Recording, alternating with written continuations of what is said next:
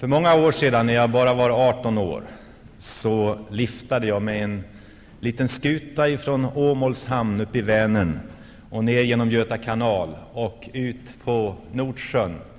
Mötte en väldig storm. Under ett par, tre dagar fick vi ligga där och kämpa innan vi så småningom nådde en liten hamn på Englands östkust. Därifrån skulle jag ta ett tåg ner till London. Min första resa på egen hand. Det här förstår ni.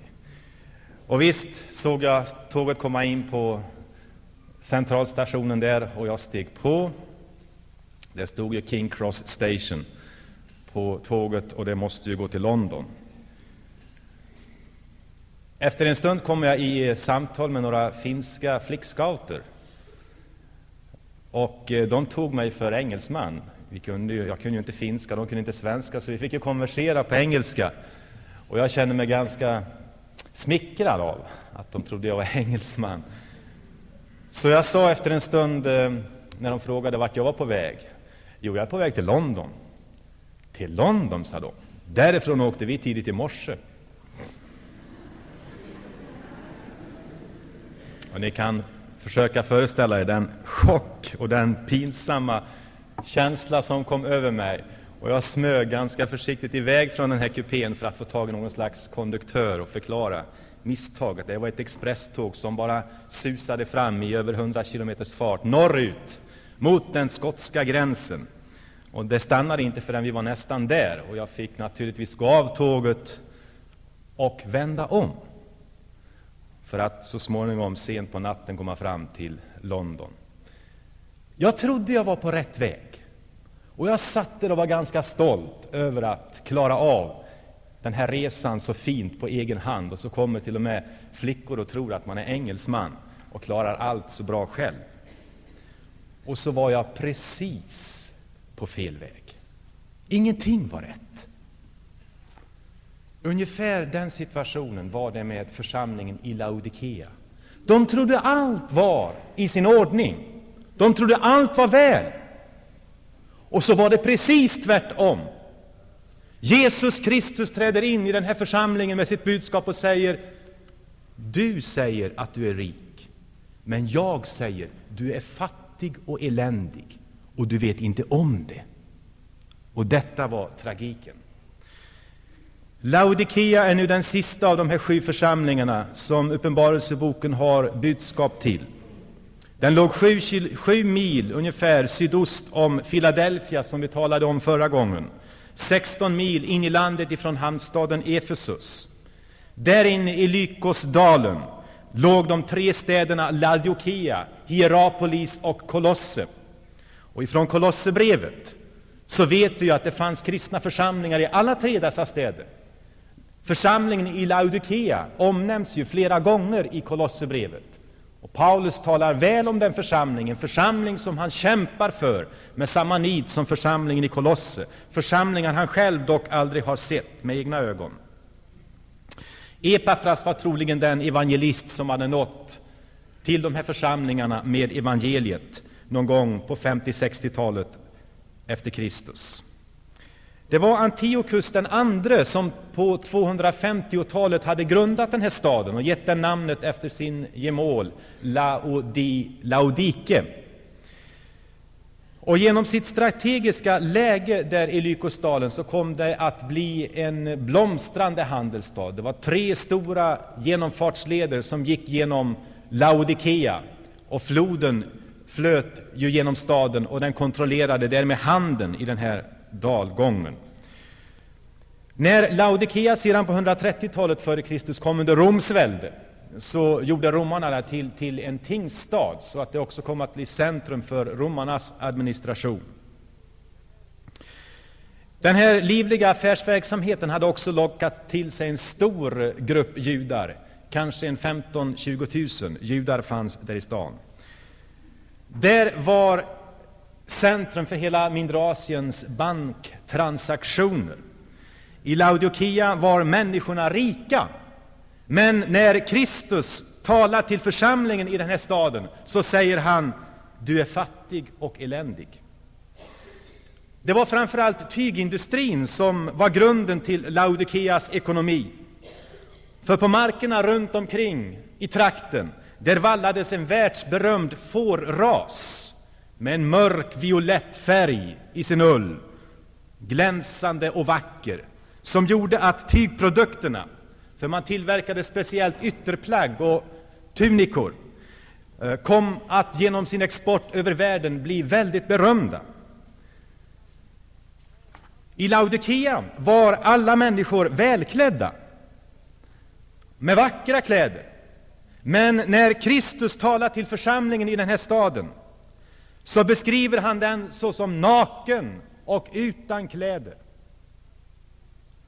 I Laodikea fanns också en medicinsk skola med tillverkning av vissa åtråvärda mediciner, bland annat en ögonsalva mot svaga och dåliga ögon. Och man exporterade tabletter av denna medicin som sedan krossades och eh, som smetades ut över ögonen för att avhjälpa ögonsjukdom och ögonsvaghet. Men när församlingen i Laodikea får höra budskapet från Jesus Kristus, församlingen som fanns i denna stad där man tillverkade denna världsberömda ögonsalva, så säger Jesus, du är blind och du ser ingenting av det du egentligen skulle behöva se. I Laodikea verkade det som om rikedomarna hade invaggat befolkningen i en självsäker stolthet och trygghet. Och ett exempel på det här var bland annat den jordbävning som inträffade år 60 efter Kristus och ödelade faktiskt hela stan. Och från de romerska myndigheterna stod man genast där för att erbjuda hjälp och bistånd att återuppbygga staden. Men Laodikeas befolkning tackade nej. Man vill inte ta emot någon hjälp ifrån utomstående. Det här skulle man klara på egen hand. Man var så rik och så stolt att man inte ville ta emot hjälp. Och den romerske historieskrivaren Tacitus berättar om det här och säger Laodikea steg upp ur ruinerna genom sin egen, sina egna tillgångars styrka, helt utan hjälp från oss. Församlingen i Laodikea sa om sig själv, jag är rik, jag har vunnit rikedomar, jag saknar ingenting. De tyckte sig inte behöva hjälp, varken från människor eller från Gud. Deras materiella välfärd hade gjort dem blinda för deras andliga fattigdom.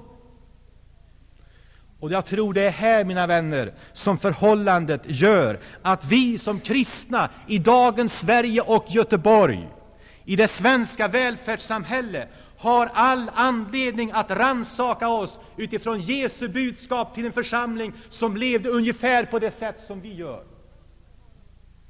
Kan det vara så att det materiella välståndet i vilket vi befinner oss har bedövat oss och förblindat oss så att vår uppfattning om oss själva i andligt avseende egentligen inte alls stämmer med verkligheten om oss och med det sätt på vilket Kristus ser på oss, om han skulle ge oss sin diagnos. Därför måste vi med öppenhet och med bävan, menar jag, lyssna till vad Kristus har att säga till församlingen i Laodikea och öppet fråga oss samtidigt, vad säger han till oss vad säger han till mig? Och Gud förbjude att vi skulle leva i någon slags självbedrägeri, tro att allt är väl, om det inte är det. Kanske han har ett budskap till dig och till mig här idag. Innan han går in på själva diagnosen så introducerar han sig i vers 14 så här.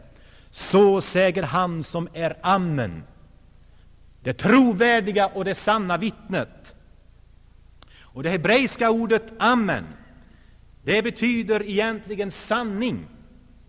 Och i Jesaja 65 och 16 så beskrivs Gud som den sannfärdige guden. Men på hebreiskan står det egentligen den Gud som är amen, den Gud som är sanning, den Gud som är tillförlitlig. Och i evangelierna stöter vi gång på gång den grekiska motsvarigheten, amen, heter det också där.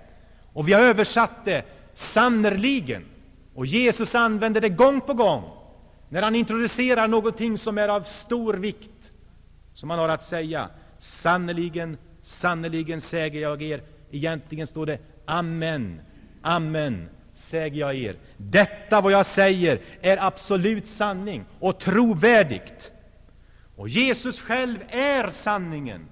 Och därför är allt vad han har sagt absolut trovärdigt och med verkligheten överensstämmande. Och ingen människa i historien har någonsin kunnat yttra sig med samma auktoritet och med samma anspråk på sanning som Jesus Kristus, Guds son, har gjort. Jesus är Amen, det trovärdiga och det sanna vittnet. Och vad han nu säger till församlingen i Laodikea och vad han nu idag säger till dig och mig i Saronförsamlingen, det är sant. Och om vi förkastar det, om du förkastar det, så är det dig själv till skada, och du gör det på egen risk. För det andra presenterar han sig som början till Guds skapelse, begynnelsen till allt. Det betyder inte, som Jehovas vittnen lär, att Jesus skulle vara den av Gud först skapade varelsen. Nya testamentet gör klart för oss att Jesus Kristus är den sanne och den evige Guden. Förrän Abraham blev till är jag, säger han vid ett tillfälle. Och i Johannes evangeliet så introduceras han som Ordet som var hos Gud och som var Gud. Och genom honom har allt blivit till som är till, och utan honom har ingenting blivit till som är till. I honom skapades allt, i himmel och på jord, genom honom och till honom. Han är till före allting annat, och allt äger sitt bestånd i honom. Det är Jesu person som med sin makts ord bär allt. Han är ursprunget, alltså, till allt skapat. Och han är också ursprunget, upp, upphovet och huvudet till församlingen, den andliga skapelsen som han nu riktar sig, sig till. Och just därför att han är församlingens huvud reagerar han så kraftigt på församlingens tillstånd. Och så ger han församlingen i Laodikea sitt allvarliga omdöme i vers 18, förlåt, vers 15. Jag känner dina gärningar. Han som vet allt talar nu sanning till församlingen. Jag känner till allt om dig. Det intressanta är ju nu att han fortsätter inte sin mening med att beskriva vilka gärningar han har sett hos församlingen. Han talar inte om avvikande läror. Han talar inte om omoralisk livsstil. Utan det är precis som om han sammanfattar alla församlingens gärningar i beskrivningen vad du gör, vad du lever som kristen, visar att du är varken varm eller kall, utan ljum. Och det är en mycket dräpande beskrivning, och Jesus går rakt på sak, utan några förskönande ord och utan att försöka linda in det i några omskrivningar. Du är varken varm eller kall, du är ljum. Och så säger han, om du ändå vore kall eller varm, men nu är du ljum och varken varm eller kall, därför ska jag utspy dig ur min mun. Den ljumhet som rådde i församlingen i Laodikea var så förhatlig och så vämjelig för Kristus att han till och med hellre skulle ha sett att den var kall. Och jag tror att församlingen i Laodikea väl förstod det här bildspråket.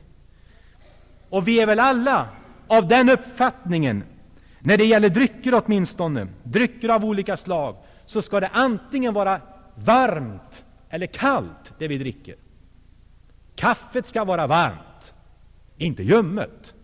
Läskedrycken ska vara kall, inte ljummen. Det är motbjudande, eller hur? Laodikea hade inga egna vattenkällor, utan man hade byggt en akvedukt över till Hierapolis, ungefär en mil bort, där det fanns varma, heta mineralkällor. Och så fördes vattnet på denna långa viadukt över till Laodikea. Men det betydde att när vattnet väl nådde fram till Laodikea, så hade det blivit så ljummet att det var vämjeligt att dricka. Och jag föreställer mig att de helt enkelt fick ta hem det och kyla ner det i mörka rum för att det skulle bli drickbart. Det var äcklande att dricka vattnet i Laodikea. Och de förstod vad Jesus menade med den här bilden. Och det var chockerande för församlingen att Kristus kände samma vämjelse för dem som de gjorde för sitt ljumma vatten. En ljum församling får Kristus att må illa. Då föredrar han tydligen människor som fortfarande är kvar i kylan, som är emot honom. För då kan i varje fall ingen luras att tro att de skulle representera någon slags kristendom. Men nu kunde människor i Laodikea förledas att tro att församlingen där var ett sant uttryck för evangeliets verkligheter, när det alls inte var så. Mina vänner, det är ett ansvar att äga Guds sanningar. Ett ansvar om vi inte låter oss tändas och beröras av dem in i djupet av våra liv. Ljumheten i Laodikeas församling var i sig själv en förnekelse av evangeliets verkliga natur och väsen. Det var ju i församlingen, förvandlad genom den heliga Andes kraft, som livets och välsignelsernas källor skulle flöda. Naturligtvis är det inte kylan som Kristus efterlyser, utan värmen. Och Det grekiska ordet för varm som används här, det betyder egentligen kokhet. Kristus ville se en brinnande församling, men så finner han den ljum, likgiltig. Vad var det som hade hänt? Här var en församling som var ungefär en 40 år gammal, ungefär som sa om församlingen, också i det avseendet. Man hade börjat bra. Vad hade hänt? Hade man börjat kompromissa med sin tro för att inte stöta sig med omvärlden, anpassat sig, hade välståndet invaggat dem i ljumhetens slummer. Och så hade elden börjat slockna.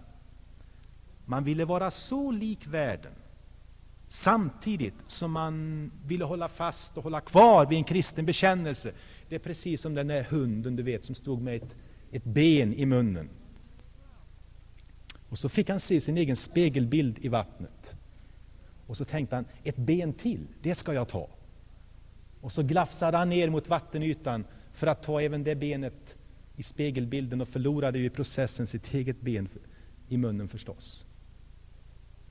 En församling som, som, som också vill ha det som världen har kommer i processen att förlora sin egen, egen art och kraften i den heliga Ande. Det går inte att försöka stå med en fot på båda sidorna.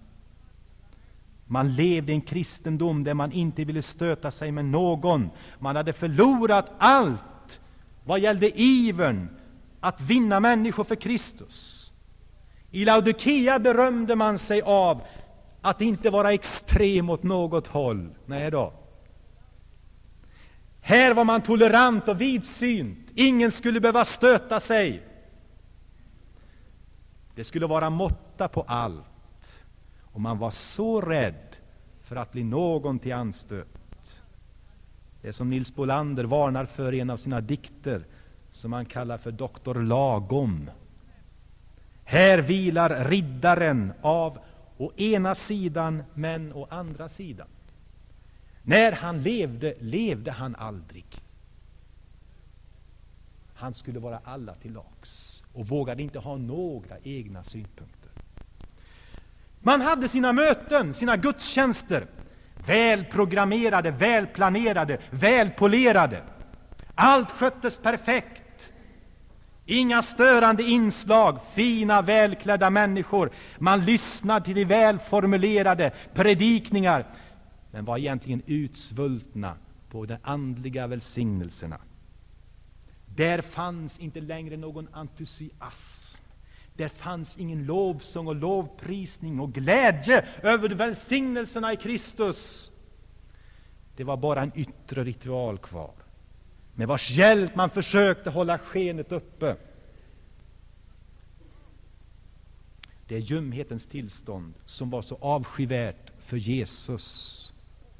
Det tycks vara mera hopp om dem som aldrig berörts av evangeliet, som fortfarande är kalla för dess sanningar, än för den som bara försöker låtsas att allt står väl till. Ja, egentligen var det värre än så. Man inte ens försökte låtsas att allt stod väl till. Man trodde att allt stod väl till. Vers 17. Du säger, jag är rik. Jag har skaffat rikedomar. Jag saknar ingenting. I materiellt avseende var det nog också sant. I Laodikea levde man väl och led inte brist på någonting. Men av det förhållandet hade man tillåtit sig att dra den bedrägliga slutsatsen att allt stod också rätt till på det andliga området. Och det är här jag är rädd för att vi löper risken att göra samma misstag utan att veta om det. Församlingen i Laodikea hade nämligen bedragit sig själva. Deras materialism och deras välstånd hade förblindat dem. De trodde att allt stod väl till. Men Kristus säger Du förstår ingenting. Du ser ingenting. Du inser inte att just du, ja, just du, ja, är fattig, eländig, ömkansvärd, blind och naken. Du vet inte hur eländigt ditt tillstånd är, men nu ska jag säga dig hur det egentligen förhåller sig. Och så ger Kristus den här beskrivningen som är så totalt diametralt mot den som församlingen själv hade om sig. Vilken tragik, mina vänner, när en församlings uppfattning om sig så totalt skiljer sig från Kristi uppfattning om densamma. Och Det spelar egentligen ingen roll vad vi tror om oss själva, om det inte stämmer med vad Jesus anser om oss. För det är hans uppfattning som är den avgörande. Och jag frågar redan nu, vad tror du hans uppfattning om dig är? Du kanske har lyckats väl med dina studier, med ditt arbete, med din karriär, med dina relationer. Allt tycks flyta. Men hur mår din själ? Jesu ord måste ha varit oerhört chockerande. Men det var säkert enda sättet att väcka en slumrande församling. För ingen är svårare att nå än den religiösa människan som tycker att allt är väl bra och som är nöjd med status quo. Hon för vilken de andliga sanningarna bara går in här och ut där. Likgiltig. Allt är ovidkommande. Hon har ju hört det där förut. Hon kan ju allt. Och det går ju bra. Det har alltid varit lättare att vinna dem för Kristus som har kommit till botten av sina egna resurser och insett verkligheten om sina egna liv än om dem som ivrigt håller fast vid sin självtillräcklighet. Jesus hade fler efterföljare bland skökor och publikaner än bland fariseer och skriftlärde. Vad tror du det berodde på? Du förstår inte att just du är eländig, att just du är ömkansvärd. De befann sig i ett välbehagligt rus, omedvetna om sin andliga ruin och tillbakagång. Det är som kokainmissbrukaren, som under den euforiska känslan av rusets välbehag är helt omedveten om att samtidigt hans hjärnceller håller på att skadas. eländig, i behov av förbarmande, ömkansvärd, beklagansvärd, värd att tycka synd om, fattig. Och det grekiska ordet betyder egentligen utfattig. Du har ingenting. Vilken skillnad mot budskapet till församlingen i Smyrna, som verkligen var fattig i materiellt avseende, under förföljelser. Där säger Jesus, du är fattig fattig, du äger ingenting. Jag vet det. Men, säger han, du är rik. För det var en församling som levde i Andens rikedomar. Och då spelade det ingen roll hur det såg ut i yttre avseende. Det var en rik församling i alla fall. Det var Jesu omdöme. Här var det precis tvärtom. En församling som trodde sig vara rik, men var utfattig. I Laodikea är ni berömda för er ögonsalva, är det lika som Jesus menar, som kan hjälpa svaga ögon och som ni exporterar ut över världen för att hjälpa människor med ögonsvaghet. Men du, du själv, du är blind. Du. är helt oförmögen att se de andliga realiteterna. Du kanske finns här idag som är skolad och intelligent, har akademiska betyg till och med. Men hur är det med din andliga syn? Är du med där? Ser du hemligheterna i Guds råds slut? Är Bibeln en levande och öppen bok för dig? Du ser, det finns inga studier, universitetsbetyg i världen som kan göra den synen levande för dig. Det är endast den helige Ande. Laodikea, ni är berömda för era vackra kläder, som ni också exporterar ut över världen och som ni kommer klädda i till era gudstjänster. Men nu skall jag tala om för er, ni är nakna, ni har ingenting. Din kropp kanske bär vackra kläder, men din själ är fattig och tom. Är det här en sann beskrivning också om dig? Det är mycket som vi kan dölja för varandra, kanske till och med med hjälp av kläder.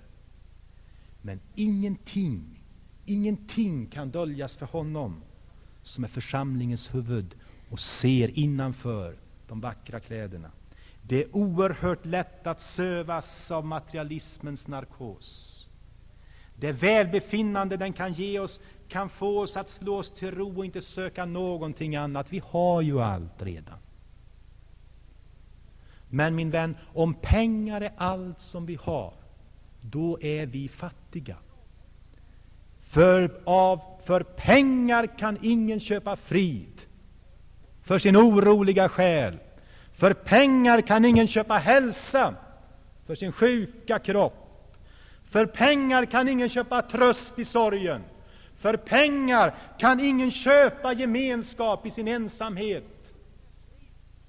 Och för pengar kan ingen köpa syndernas förlåtelse. Kristus har alltså gett sin stränga diagnos av församlingens tillstånd. Men han stannar inte där. Gud vare lov. Han är inte beredd att lämna församlingen, trots att den befann sig i det här ljumma, likgiltiga tillståndet. Han vill fortfarande någonting med församlingen. Och nu övergår vi till vers 18, där han föreskriver församlingen vad den ska göra för att situationen skall bli annorlunda igen. Och när vi läser vers 18 så finner vi att lösningen finns hos Jesus Kristus själv. Han säger, jag råder dig att hos mig, hos mig, kom till mig, köp guld. Vad då guld? Vi har ju guld. Ja, men det guld som ni äger i Laodikea och har på Laodikeas banker, det gagnar till ingenting. Det är ett förgängligt guld. Kom till mig och få de verkliga rikedomarna. Det som du allra mest behöver kan du nämligen inte köpa för ditt guld. Kristi rikedomar kan inte köpas för pengar förstås. Och därför erbjuds de som gåvor. Det är ett eko från Gamla testamentets uppmaning, där det står upp alla ni som är törstiga. Kom hit och få vatten. Kom ni som inga pengar har. Kom hit och hämta säd och ät. Guld som renats i eld, står det. Kanske menar han den tro som prövats och bevisat sig hålla måttet och det som är den största rikedom en människa kan äga. Laodikeas vackra kläder imponerade inte på Kristus. Han såg den fattiga själen innanför kläderna. Och han säger nu, köp av mig vita kläder, så att du kan klä dig och dölja din skamliga nakenhet. Den dyrbaraste och den vackraste klädedräkten vi kan få är Jesu Kristi egen rättfärdighet. Det är ingenting vi hänger på oss, men det är någonting som ögonen avslöjar. Det finns där i din själ. Mina vänner, om vi förstod den renhet och den rikedom som vi fått i Jesus Kristus, skulle själens strålglans lysa igenom våra ögon ännu mycket mer. Genom den helige Ande har Gud nämligen skänkt åt oss sin egen härlighet och tagit sin boning i oss. Och om vi så skulle hamna i en sån misär att vi tvingades gå klädda i trasor, så skulle det på intet sätt förändra själens skönhet och rikedom, som har sitt ursprung i ett renat människohjärta på grund av Jesu blod. Jag har berättat förut om den spetälska kvinnan i Indien, som en av mina lärare kom djupt gripen och berättade efter ett besök där. Ja, det var andakt i kapellet på det kristna leprasjukhuset. Och de sjuka började samlas. Och som vanligt så tillät man en stund av vittnesbörd, fria vittnesbörd. Och plötsligt står en kvinna upp på tredje raden och glädjestrålande lyfter hon sina båda händer, vars alla tio fingrar är uppätna av spetälska. Och så säger hon, jag prisar, tack! Tackar min Gud för att jag genom min spetälska har lärt känna Kristus. Och jag är hellre en spetälsk med Kristus än frisk, men fortfarande en främling för hans nåd. Och så sätter hon sig ner. Och min lärare sa, jag försäkrar er, det var den vackraste kvinna jag har sett. Inte med Hollywoods ytliga standard mätt, men med den skönhet som kommer av på nyttfödelsens under och det verk som endast den helige Ande kan utföra i en människas inre. En skönhet som inte ålderdomen och förgängelsen förtar. Ty ännu när de bliva gamla bära de skott och grönska. Äger du den skönheten? Om allt vad du har bara är sista skriket från stans modevaruhus, ja, då är du fattig, då är du eländig, då är du naken i Guds ögon. Kom idag till honom som kan ge din själ av sin skönhet. Ingenting av det som du kan kläda din kropp med kan någonsin kompensera den skönhet som endast Gud kan ge till ditt inre. Min vän, hur är det med din själs garderob? Laodikea var berömd för sin ögonsalva. Men församlingen var blind och saknade andeklar syn. Och Jesus säger, köp av mig salva att smörja dina ögon med, så att du kan se. Endast hos Kristus kan dina ögon öppnas för de andliga verkligheterna. Bibeln kommer att förbli en stängd bok för dig till dess att Kristus blir centrum i ditt liv och den helige Ande får uppfylla dig. Du kanske skulle behöva bedja idag, som vi sjunger ibland i sången. Giv mig, o Herre, öppnade ögon. Jag vill se Jesus, vidröra honom. Här har du alltså en församling om vilken Kristus inte hade någonting positivt att säga. Endast klander och tillrättavisning. Det var verkligen illa ställt med församlingen i Laodikea. Men, förklarar Jesus nu i vers 19, vad var då motivet till hans stränga tal? Jo, säger han, jag tillrättavisar och tuktar alla dem jag älskar. Observera alltså att Kristus älskar denna församling som kommit så långt bort ifrån vad den borde vara. Ordet för älska som används här uttrycker till och med emotionell tillgivenhet. Varför hade Kristus reagerat så kraftigt på missförhållandena i Laodikea? Jo, just därför att de var så dyrbara för honom. Just därför att det var hans folk. Han kunde inte oberörd stå tigande och se hur vittnesbördet i Laodikea bara dog bort. Istället blir han upprörd och talar till dem i mycket stränga ordalag. Men han skäller inte ut dem och lämnar dem. Han gör vad som är absolut nödvändigt. Han visar dem sanningen om dem själva. Och sen också vad de måste göra för att förändra situationen. Det är alltid Guds metod genom hela uppenbarelsen, Gamla och Nya testamentet. Profeterna stiger in på scenen och sätter fingret på den ömma punkten och säger Detta är vad du har gjort. Därför kan det gå så här. Natan stiger fram för konung David, som under ett helt år har försökt förtiga sitt äktenskapsbrott och mordkomplotten. Så kommer Natan och pekar sitt långa finger mot David och säger efter denna liknelse Den mannen är du. Och hela världen rasar samman. Han ser sanningen om sig själv och han förstår att den är välkänd av Gud.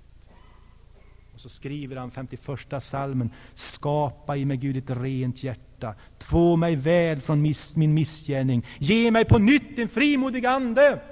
Jag vill inte vara kvar i denna synd. Jag vill inte vara kvar i denna likgiltighet, i denna ljumhet. Jag vill på nytt brinna för dig, Herre. Han tillrättavisar alltså i syfte att återupprätta. Har du träffats av hans ord idag, så är det ett uttryck för Jesu kärlek till dig. Han vill någonting annat med ditt liv än denna slumrande likgiltighet. Den är förhatlig för honom, men han vill en förändring hos dig. Den jag älskar, den tillrättavisar och tuktar jag. Därför, visa iver och vänd om! Församlingen i Laodikea måste ha varit evigt tacksamma för att Kristus inte var lika likgiltig för dem som de var för honom. Kristus har en lidelse för dig. Kristus har en vånda över ditt liv idag, om det är likgiltigt och ljummet. Han vill att du som har hört de andliga sanningarna ska reagera för dem. Och så kommer själva klimax i vers 20. Brevet till församlingen, till församlingen i Laodikea, mina vänner, är utav de här sju breven samtidigt både det strängaste men också det mest ömsinta och personliga. Är inte det intressant? Det strängaste, men samtidigt det mest ömsinta. Till dem som hade kommit så långt ifrån honom. Till dem som var så upptagna av sig själva och så förnöjda med sitt materiella liv att de till och med hade lämnat Kristus utanför. Han fick inte längre vara med. Till dem har han nu en ömsint personlig vädjan. Och nu talar han inte längre till församlingen i stort, utan nu riktar han sig till varje individ i församlingen. Och så säger han, se, jag står för dörren och klappar. Om någon, om det finns någon här som lyssnar till min röst, som har hört den nu, och, och öppnar dörren, så ska jag gå in till honom hålla måltid med honom och han med mig. Det finns bara en lösning för en ljum församling. Bara en lösning. Och det är att varje individ öppnar sitt hjärta för Herren Jesus Kristus. Vårt ansvar för församlingen börjar alltså på det personliga planet. Hur ska församlingen kunna bli varm, levande och ett andligt hem för Kristi, för människor som behöver Kristi värme. Ja, det går naturligtvis inte om Kristus är utestängd ifrån våra personliga liv. Han vill in i centrum igen i ditt liv. Vet du det? Idag vill han in rakt i centrum av ditt liv. Är det inte intressant? Och jag vill att du ska veta om detta, att i ingen annan religion talar man om en Gud som söker människan. Där är du utlämnad åt dig själv i ditt sökande. Men det kristna evangeliet presenterar från början till slut för oss en Gud som i stor kärlek och iver söker syndig människa. Han är ute och letar. Det är någonting helt unikt, mina vänner. Det finns inget sådant budskap någonstans i världshistorien. Och så har det varit ända ifrån Edens dagar. Adam, var är du? Kain, var är du? Och så säger han ditt namn idag. Var är du? Var är du någonstans? Det vore stort nog om det vore en sanning detta att när vi väl vände om till honom så tog han emot oss. Men detta att han är ute och letar efter oss, och när Jesus kommer in i världshistorien så säger han, jag har kommit för att uppsöka och frälsa det som är förlorat. Och så håller han på än idag och söker, till och med här i Saronkyrkan idag. Och han våndas över om ditt hjärta är likgiltigt för ett budskap som det här. Den som segrar, det vill säga den som öppnar, den som ger Jesus rum i sitt hjärta i det här livet, han har också en plats reserverad på tronen. Tillsammans med Jesus skall han regera en gång. Är det inte fantastiskt? De som han i början av det här budskapet hade sagt till ”Jag skall utspy dig ur min mun”, till dem säger han nu ”Du ska sitta med mig på tronen”. Vilken förvandling, vilken förändring som kan inträda! Hur var det möjligt? Jo, om Jesus fick bli centrum i deras liv igen. Och mina vänner, jag har gått till mig själv gång på gång när jag har läst den här texten. Och med längtan har jag konstaterat att nog skulle jag önska att det brann lite mer i mitt liv. Nog skulle jag önska att min kristna tro fick långt mera långtgående och radikala konsekvenser för mig. Fick genomsyra varje område av mitt liv. O, att jag kunde säga med Herren Jesus, nit älskan för ditt, ditt hus förtär mig. Det finns en eld i mitt hjärta som ingenting kan släcka. Jag vill vara brinnande för dig, o Herre. Jag hatar min egen likgiltighet. Jag känner vämjelse för min ljumhet. Jag vill bli en brinnande kristen.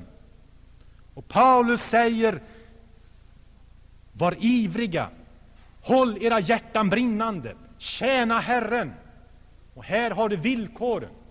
Du kan inte vara en ensam brinnande kristen. Vi behöver varandra för att hålla elden, glöden vid liv. Ensam är det lättare att frysa. Vi behöver tjäna Herren för att hålla elden vid liv. Och vi behöver framför allt komma närmare Herren. Den som är nära mig, mina Jesus, han är nära elden. Djävulens strategi, det är att vaccinera oss med en mild dos av kristendom för att därigenom göra oss okänsliga och mottagliga för den verkliga elden. Men är det så du vill ha det?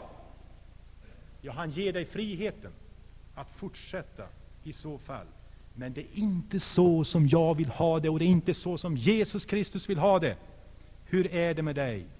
Är du ljum? Hur vet du om det? Hur ser du på dina medkristna? Med kritik eller med kärlek? Hur ser du på världen, på arbetskamrater, på grannar? Med likgiltighet eller med nöd? Där har du sätt att pröva dig på. Brinner jag för Kristus idag? Är jag nöjd med status quo? Eller längtar jag efter att få vara brinnande för honom de korta sekunder jag har här på jorden? Vad säger han om dig idag?